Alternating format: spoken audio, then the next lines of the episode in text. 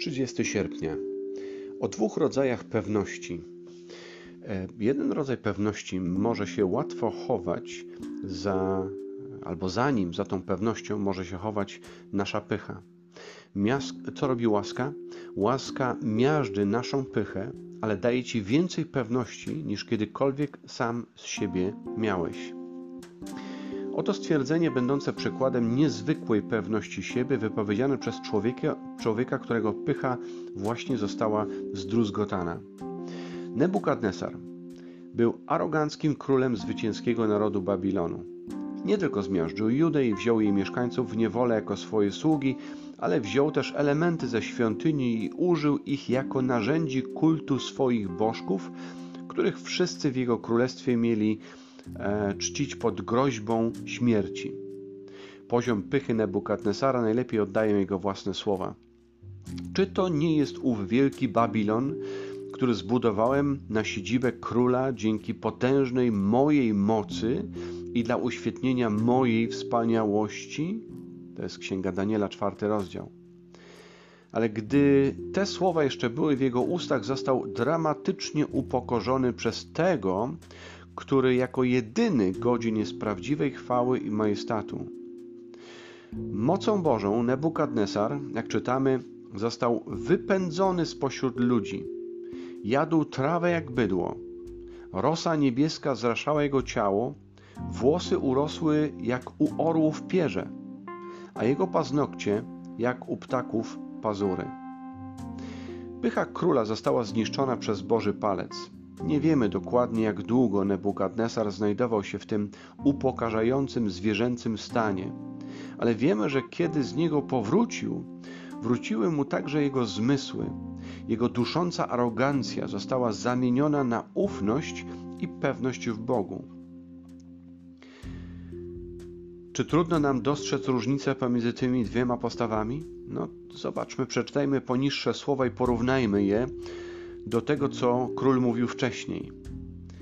Czytamy tak: W tym właśnie czasie powrócił mi rozum i dostojność, i powróciła mi moja okazałość na chwałę mojego królestwa.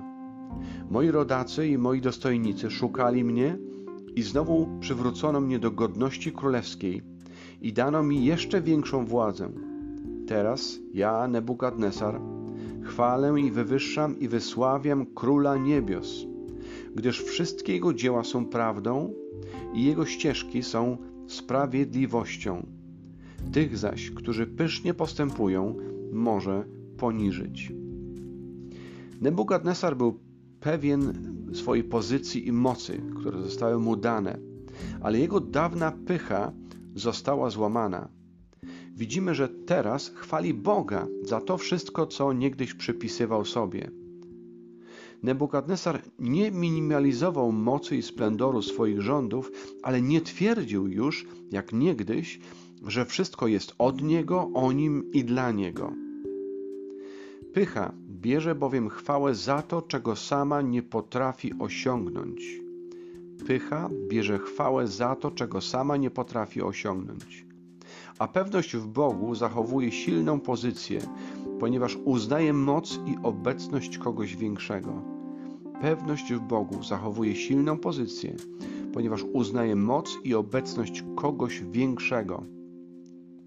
Tylko Boża łaska może poprowadzić Cię od jednego do drugiego, od jednej pewności do tej drugiej pewności w Bogu, od pewności pokładanej w sobie i od pewności pokładanej w Bogu.